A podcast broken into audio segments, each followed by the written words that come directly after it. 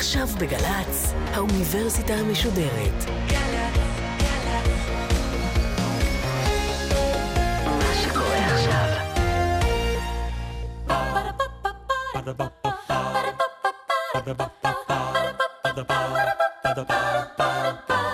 האוניברסיטה המשודרת מציגה מבוא ל עם מאיה להט קירמן והסמסטר שפה והפעם שיחה נוספת עם הדוקטור דניאל דור ראש החוג לתקשורת באוניברסיטת תל אביב על האבולוציה של השפה עורכת ראשית מאיה גאייר שלום לכם, ערב טוב. אנחנו ממשיכים היום עם המבוא שלנו לקורס שעוסק בשפה באוניברסיטה המשודרת, וגם הערב יהיה איתנו דוקטור דניאל דור. ערב טוב לך. ערב טוב. מלשן, חוקר תקשורת וראש החוג לתקשורת באוניברסיטת תל אביב. בפרק הקודם, דוקטור דור, שוחחנו על האבולוציה של השפה, תהליך שהחל לפני מאות אלפי שנים, ונולד מהצורך של קבוצות לפעול בשיתוף פעולה. מהצבעה על נקודה מסוימת ועד ליצירת מילים של ממש, בסופו של דבר התפתחו השפות שאנחנו מכירים כיום. היום ננסה להבין מעט על השינויים שהשפה ממשיכה לעבור, וכבר אז רמזת שהיא עוברת ועוד תמשיך לעבור שינויים רבים. בואו נתחיל ונצביע מהם התהליכים המרכזיים שמתרחשים בהתפתחות השפה בעת החדשה. הייתי אומר שיש uh, סדרה שלמה של דברים שמתחילים לקרות בתחילת העת החדשה. Uh, אני רק uh, אזכיר לשומעים שאנחנו החלפנו סדר גודל של זמנים. קודם דיברנו על מאות אלפי שנים, עכשיו אנחנו מדברים על מאות ספורות של שנים. ואני אזכיר גם שלפני כמה אלפי שנים קיבלנו את הכתיבה ואת הקריאה כתוספת מאוד מאוד גדולה לסיפור של השפה. מה שקורה לפני uh, כמה מאות שנים uh, זה שילוב של כמה גורמים. הגורם הראשון הוא מהפכת הדפוס. אנחנו עוברים ממצב שבו שפה כמשהו שנכתב ונקרא, זה משהו שכמות האנשים שנחשפים אליו היא יחסית קטנה, והיכולת אה, להפיק אותו בכמויות גדולות אה, יחסית קטנה. לכן שייך לאליטה ששולטת? ולכן שייך לאליטה, ולכן כתיבה וקריאה הם אה, כלי שליטה מאוד מאוד משמעותיים. מה שקורה עם מהפכת הדפוס זה שבהדרגה מסרים לשוניים כתובים, מודפסים, מתחילים להגיע לכמויות הרבה יותר גדולות של אנשים. ומכיוון שהעובדה הזאת משתלבת יחד עם אה, אוסף של רעיונות חדשים לגבי האדם, היציאה ממה שאנחנו קוראים לו היום ימי הביניים אל אה, כיוון יותר חילוני, יותר אה, מדעי, יותר סקרן ביחס לעולם וכן הלאה וכן וגם הלאה. וגם השינויים שהנצרות עוברת וצריכה להפיץ תורות וגם חדשות. וגם השינויים שהנצרות עוברת.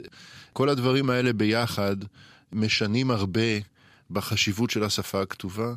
מייצרים uh, תהליכים חברתיים חדשים לגמרי, ומפיצים ידע באופן חדש, שיוצר גם זהות חברתית מסוג אחר וכן הלאה.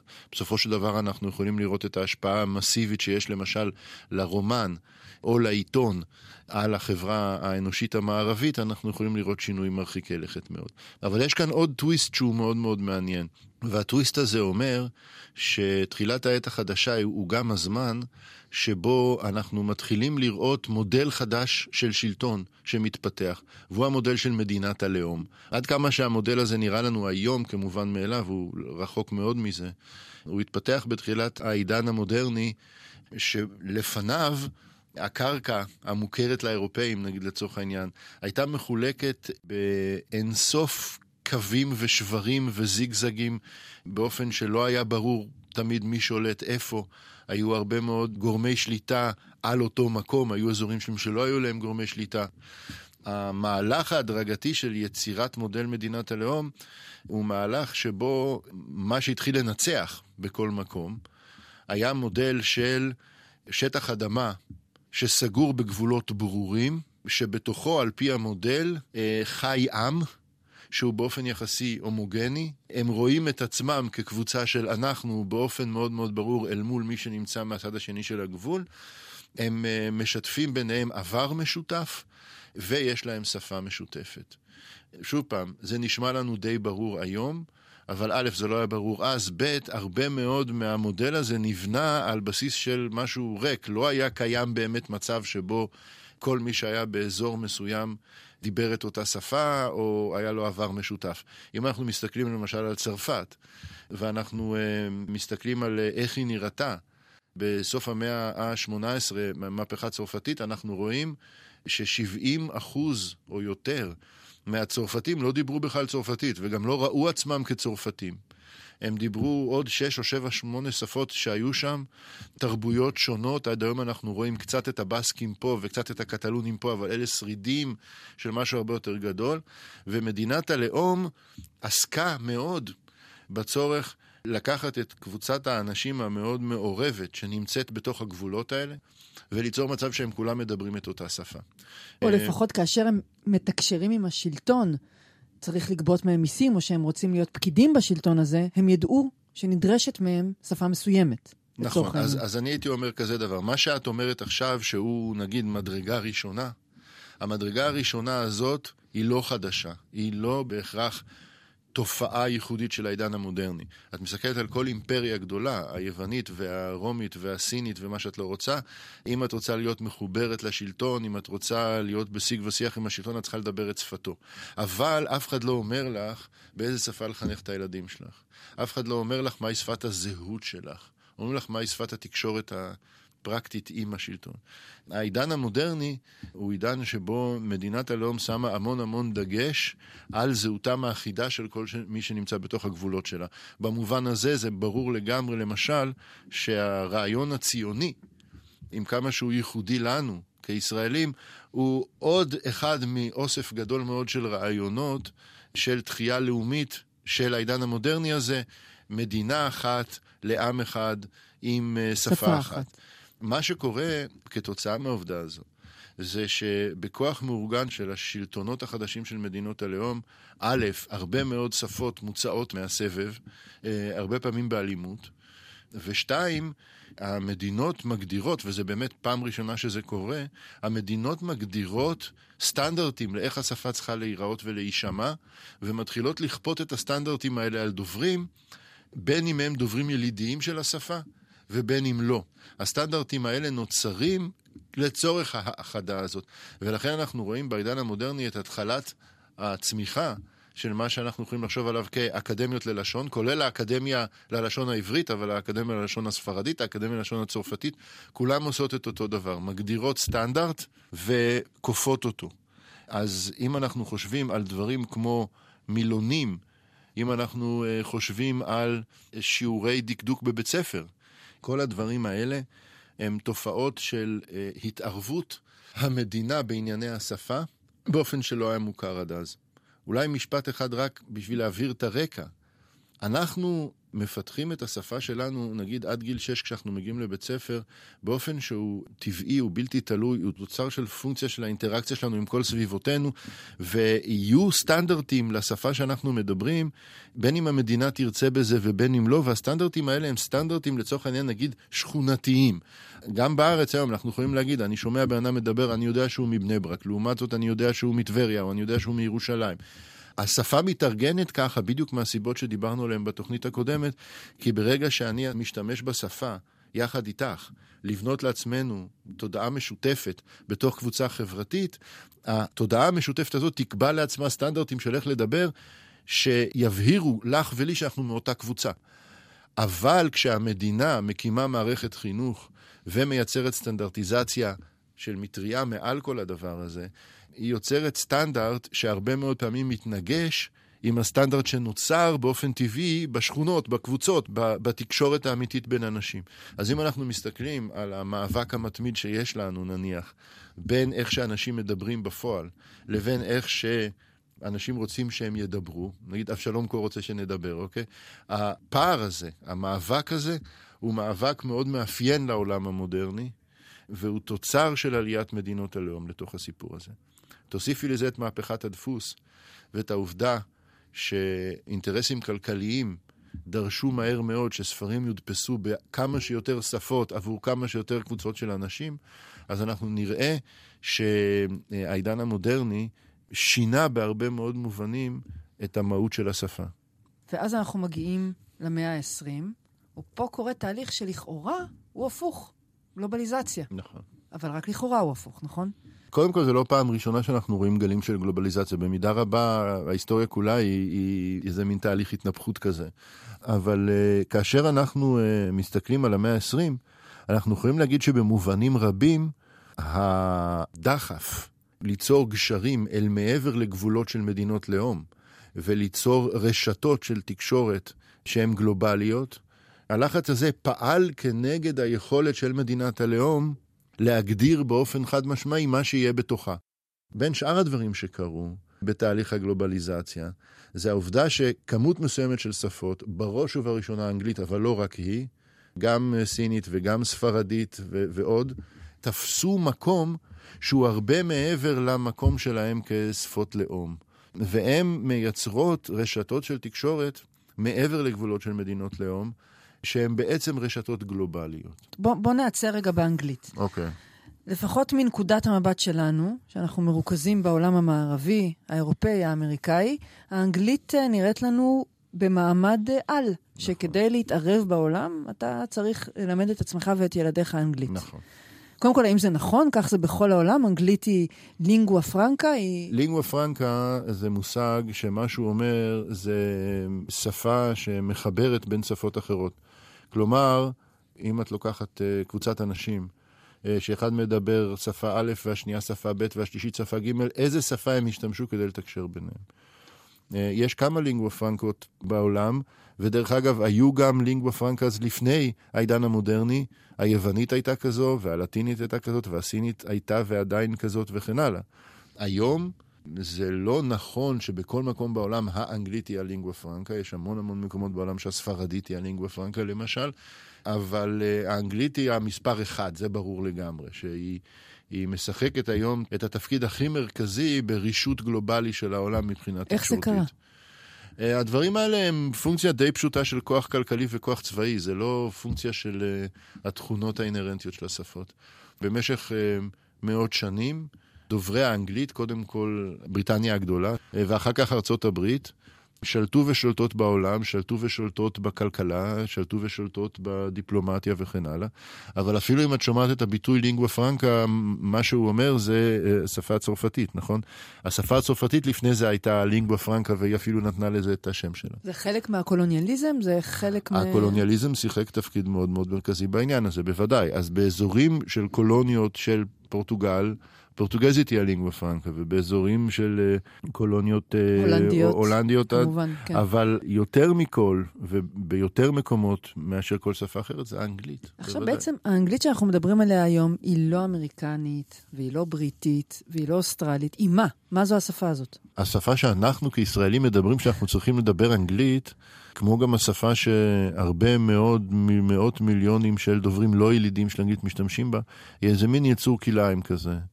ואפשר לקרוא לה אנגלית גלובלית, זה הדבר הכי פשוט. העובדה היא שכשנמצאים נציגים אה, מהרבה מאוד מקומות בעולם בדיון, למשל באו"ם, או בכנס בינלאומי, או בכל מיני כאלה דברים, כולם מדברים את השפה הזאת, חוץ מאשר אה, דוברים ילידים של אנגלית אמריקאית, אנגלית אה, בריטית ואנגלית אוסטרלית, שהם באיזשהו מקום היוצאי דופן בתוך הדבר הזה. זאת שפה כמו שהרבה פעמים לינגווה פרנקאז נראות, היא שפה מפושטת קצת. אין בה את הניחוח האותנטי של כל, התרבותי הזה של כל כן. השפות השונות. האנגלית האמריקאית מלאה במטאפורות מספורט. האנגלית הגלובלית שלנו לא מלאה בהם, האנגלית uh, הבריטית uh, מלאה ברפרנסים לשייקספיר, אנחנו לא משתמשים בהם. זאת שפה מוקטנת כזאת, מאוד מאוד פרקטית, שמאפשרת לאנשים דוברי שפות אחרות לתקשר ביניהם במידת היעילות האפשרית בסיטואציות גלובליות כאלה. זה ייחודי לאנגלית? יש עוד שפות כאלה? השפה ללא ילידים? זה נורא מוזר בעצם. אם היה מצב שבו לא היו אנגליות עם ילידים, זה היה באמת מצב מטורף כזה, כן? של שפה בלי דוברים ילידים. האספרנטו, שזה לא עבד מעולם. כן. בוודאי שזה לא עבד. מאמצים מלאכותיים כאלה לא כל כך עובדים. אבל uh, העובדה היא שישנם uh, קהילות מאוד מאוד גדולות של דוברים ילידיים של אנגליות ספציפיות, ואז מעליהם מרחפת, או לצידם מרחפת איזה מין uh, תופעה כזאתי, שהיא מאפיינת מצבים כאלה, שבהם אנשים שבאים משפות שונות, אין להם ברירה אלא לתקשר, הם חייבים. במידה מסוימת אנחנו רואים לינגווה פרנקה בכל אתר בנייה בארץ. שבו יש לך אה, שני פועלים רומנים ושני פועלים סינים ושני פועלים סנגלים ועוד ישראלי יהודי ושלושה ישראלים ערבים שצריכים לדבר ביניהם על מה קורה בבניין ואת שומעת אותם ומקליטה אותם ואת רואה שהם מדברים באיזה מין ערב רב של ביטויים, של מושגים, קצת מערבית, קצת מסנגלית, קצת מסינית, קצת מרומנית וביחד יש להם את השפה שהם בנו והיא הלינגווה פרנקה שלהם לצורך בניית הבניין, והיא לא דומה לאף אחת מהשפות שהם מדברים בבית. מגדל בבל לא ייפול שוב. ואז אנחנו חשבנו שהשילוב בין אנגלית שהיא לינגווה פרנקה למהפכה הדיגיטלית, לאינטרנט, בטח לדור 2.0, ובכך באנו על סיפוקנו, נהיה עולם אחד גדול ומאוחד. אך לא היא. ממש לא. מה שקרה עם האינטרנט, זה דוגמה לכמה שהדינמיקות האלה יכולות להיות uh, מורכבות ואפילו פרדוקסליות.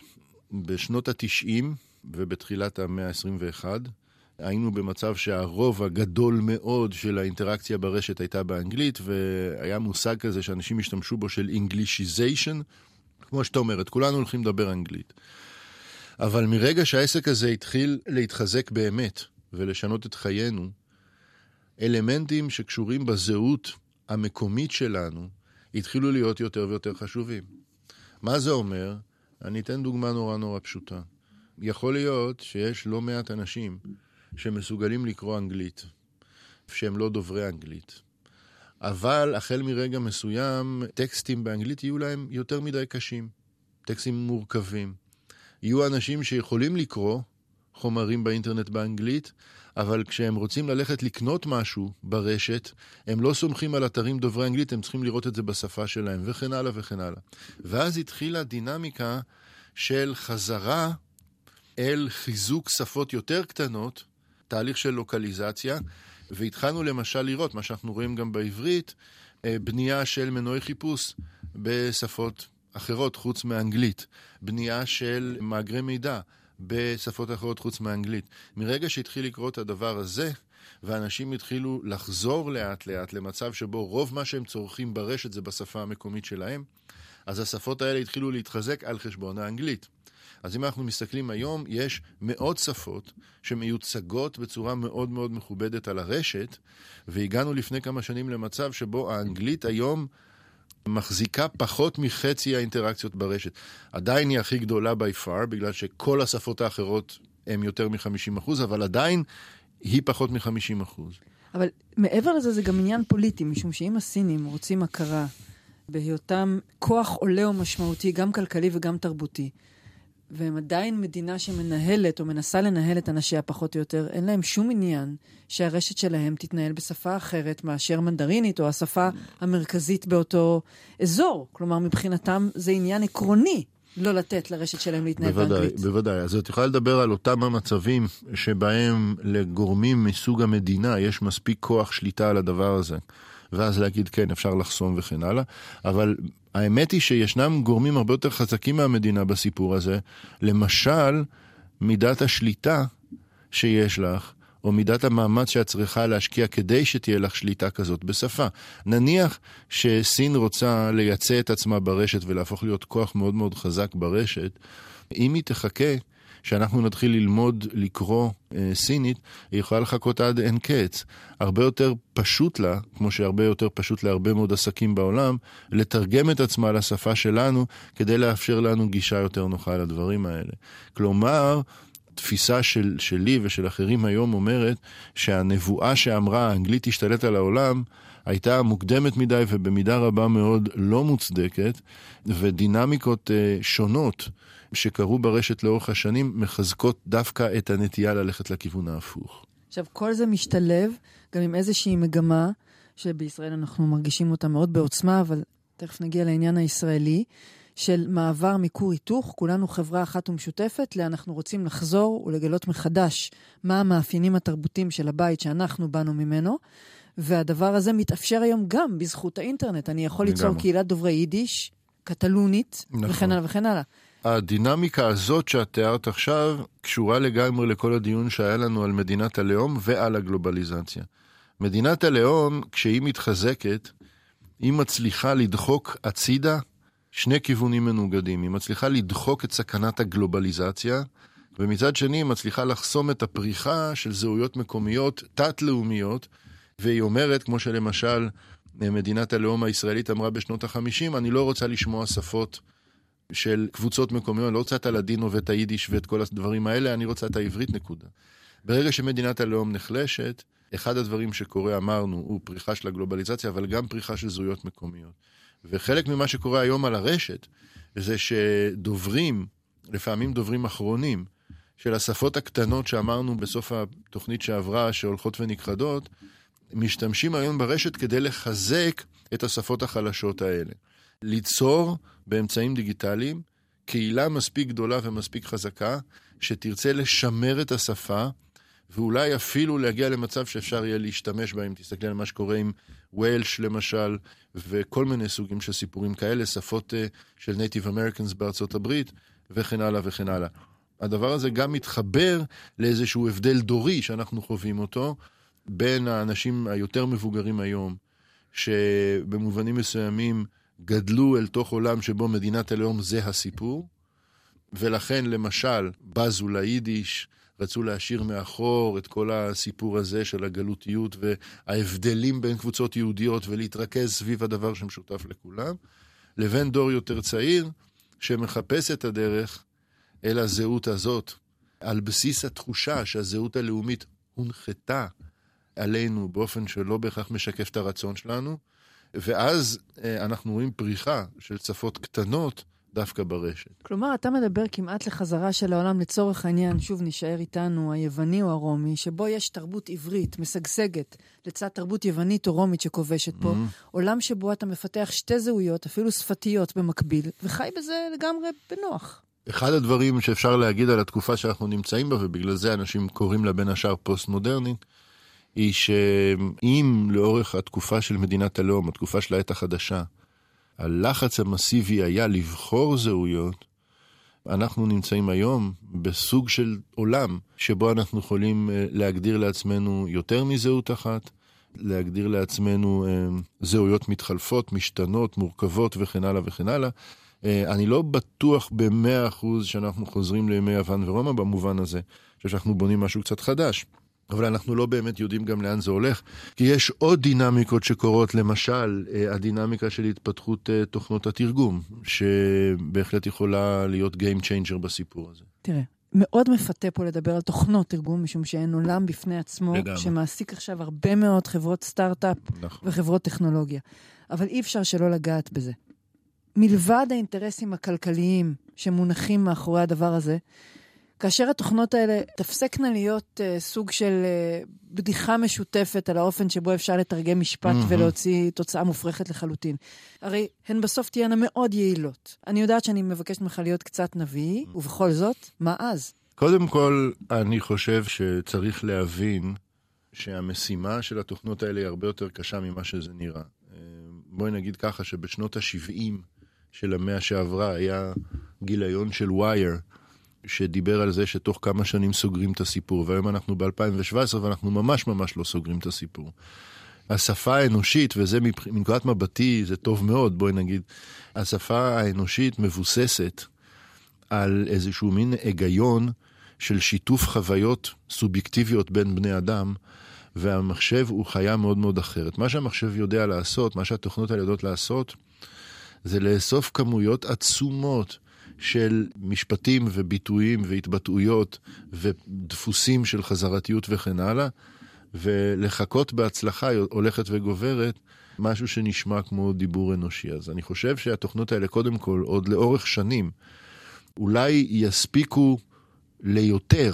כלומר, נגיד אולי נגיע בהחלט תוך כמה שנים למצב שבו אנחנו כותבים מכתב ואפשר לתרגם מכתב רשמי באיזה נושא, ואפשר לתרגם אותו אוטומטית, אבל גם אז נצטרך עוד בן אדם שיבדוק אם זה היה תרגום נכון או לא. למקומות שבהם תרגום באמת משחק תפקיד אמיתי, כמו בתרגום ספרות או תרגום שירה וכן הלאה, אני לא חושב שנגיע למצב שהתוכנה תצליח לעשות את זה. זה קודם כל. אם ייווצר מצב שבסוגים מסוימים של אינטראקציה, נגיד אינטראקציה כלכלית כזאת או אחרת, אנחנו מגיעים למצב שבו את מדברת מהצד שלך בשוודית ואני מדבר מהצד שלי בעברית, והתוכנה מתרגמת לנו באמצע, אז זה יהיה עוד פריצת דרך בתהליך של הגלובליזציה הלשונית, אבל הוא לא יהיה מהסוג שאומר שפה משותפת החליפה את השוודית שלך ואת העברית שלי, אלא תוכנה מסוימת מאפשרת לך ולי להישאר כאילו בתוך העולם שלנו, אבל להיות מחובר למישהו אחר. קודם כל, זה פתרון אחר לאותו נושא. שתיים, כמו תמיד, מידת השליטה של החברות שמייצרות את התוכנות האלה על האינטראקציות בינינו, תגיע למקום שלהערכתי הוא מאוד מאוד מסוכן. והיא בהחלט יכול להיות שזה סוג הסכנות שהדור הבא יצטרך לטפל בהם בעולם שלנו.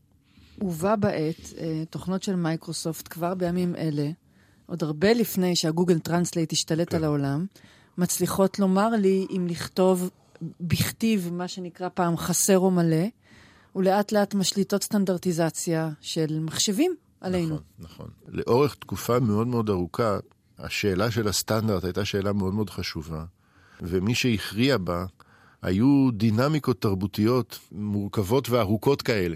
שבהם אנשים שכותבים ואנשים שקוראים, אנשים שמדברים ואנשים שמחנכים, כולם ביחד היו באיזה מין אה, אינטראקציה מתמדת שיצרה סטנדרטים כאלה ואחרים. דיברנו קודם על זה שהמדינה בשלב מסוים התחילתה להתערב בזה לגמרי ויצרה אקדמיות. הגענו היום למצב שבו ה spell checker של אה, מייקרוסופט כולל בתוכו, בתור ברירת מחדל, סטנדרט מסוים של כתיבה בעברית. כולנו מכירים את הדבר הזה אם אנחנו כותבים בעברית אה, ב Word. והסטנדרט הזה, וזה אחת התופעות המעניינות לגמרי, הוא לא דומה לאף אחד מהסטנדרטים שנקבעו לפני כן, הוא לא כתיב חסר והוא לא כתיב מלא, במידה רבה על אנשים שמבינים בזה באמת. אומרים שהוא אה, מאוד מאוד לוקה בחסר, הוא מין משהו באמצע כזה.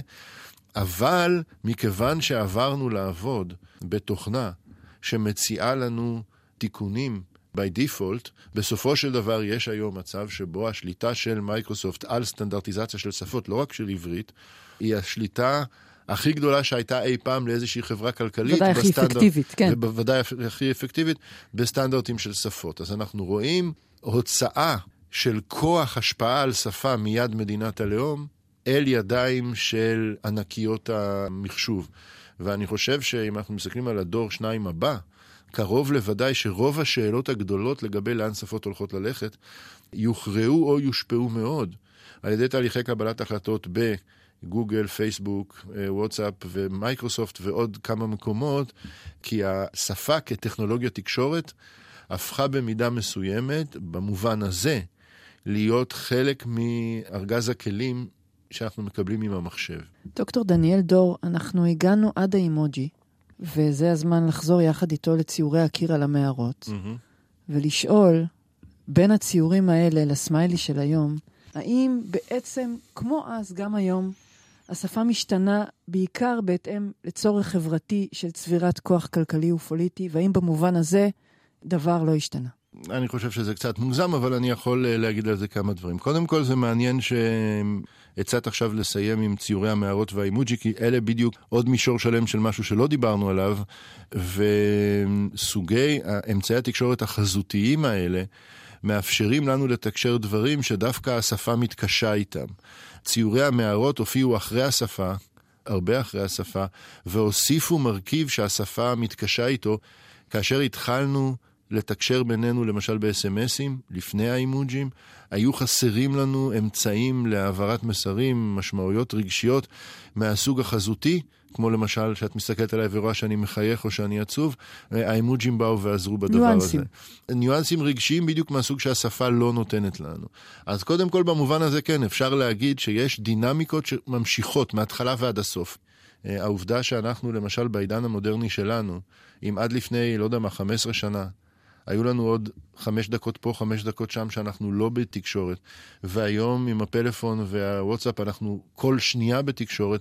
זה פונקציה של העובדה שמהתחלת הסיפור, מלפני שני מיליון שנה ועד היום, המין האנושי כל הזמן מעמיק את ההתמכרות שלו לשיתוף חוויות, את ההתמכרות שלו לשיתוף ידע, את ההתמכרות שלו לסינכרון תודעות. בעל חיים מסתובב בעולם, הוא לא עסוק כל הזמן בשאלה אם האחר חושב כמוני, מרגיש כמוני, מה הוא חושב עליי וכן הלאה. זה מה שאנחנו עושים כל היום. ואני מתאר לעצמי שהעתיד הקרוב, כשהמהפכה הטכנולוגית תעבור עוד שלב, יביא לנו עוד שלבים בדרמה הזאת שאנחנו בכלל לא יכולים לדמיין. דוקטור דניאל דור, תודה רבה לך. תודה רבה לך.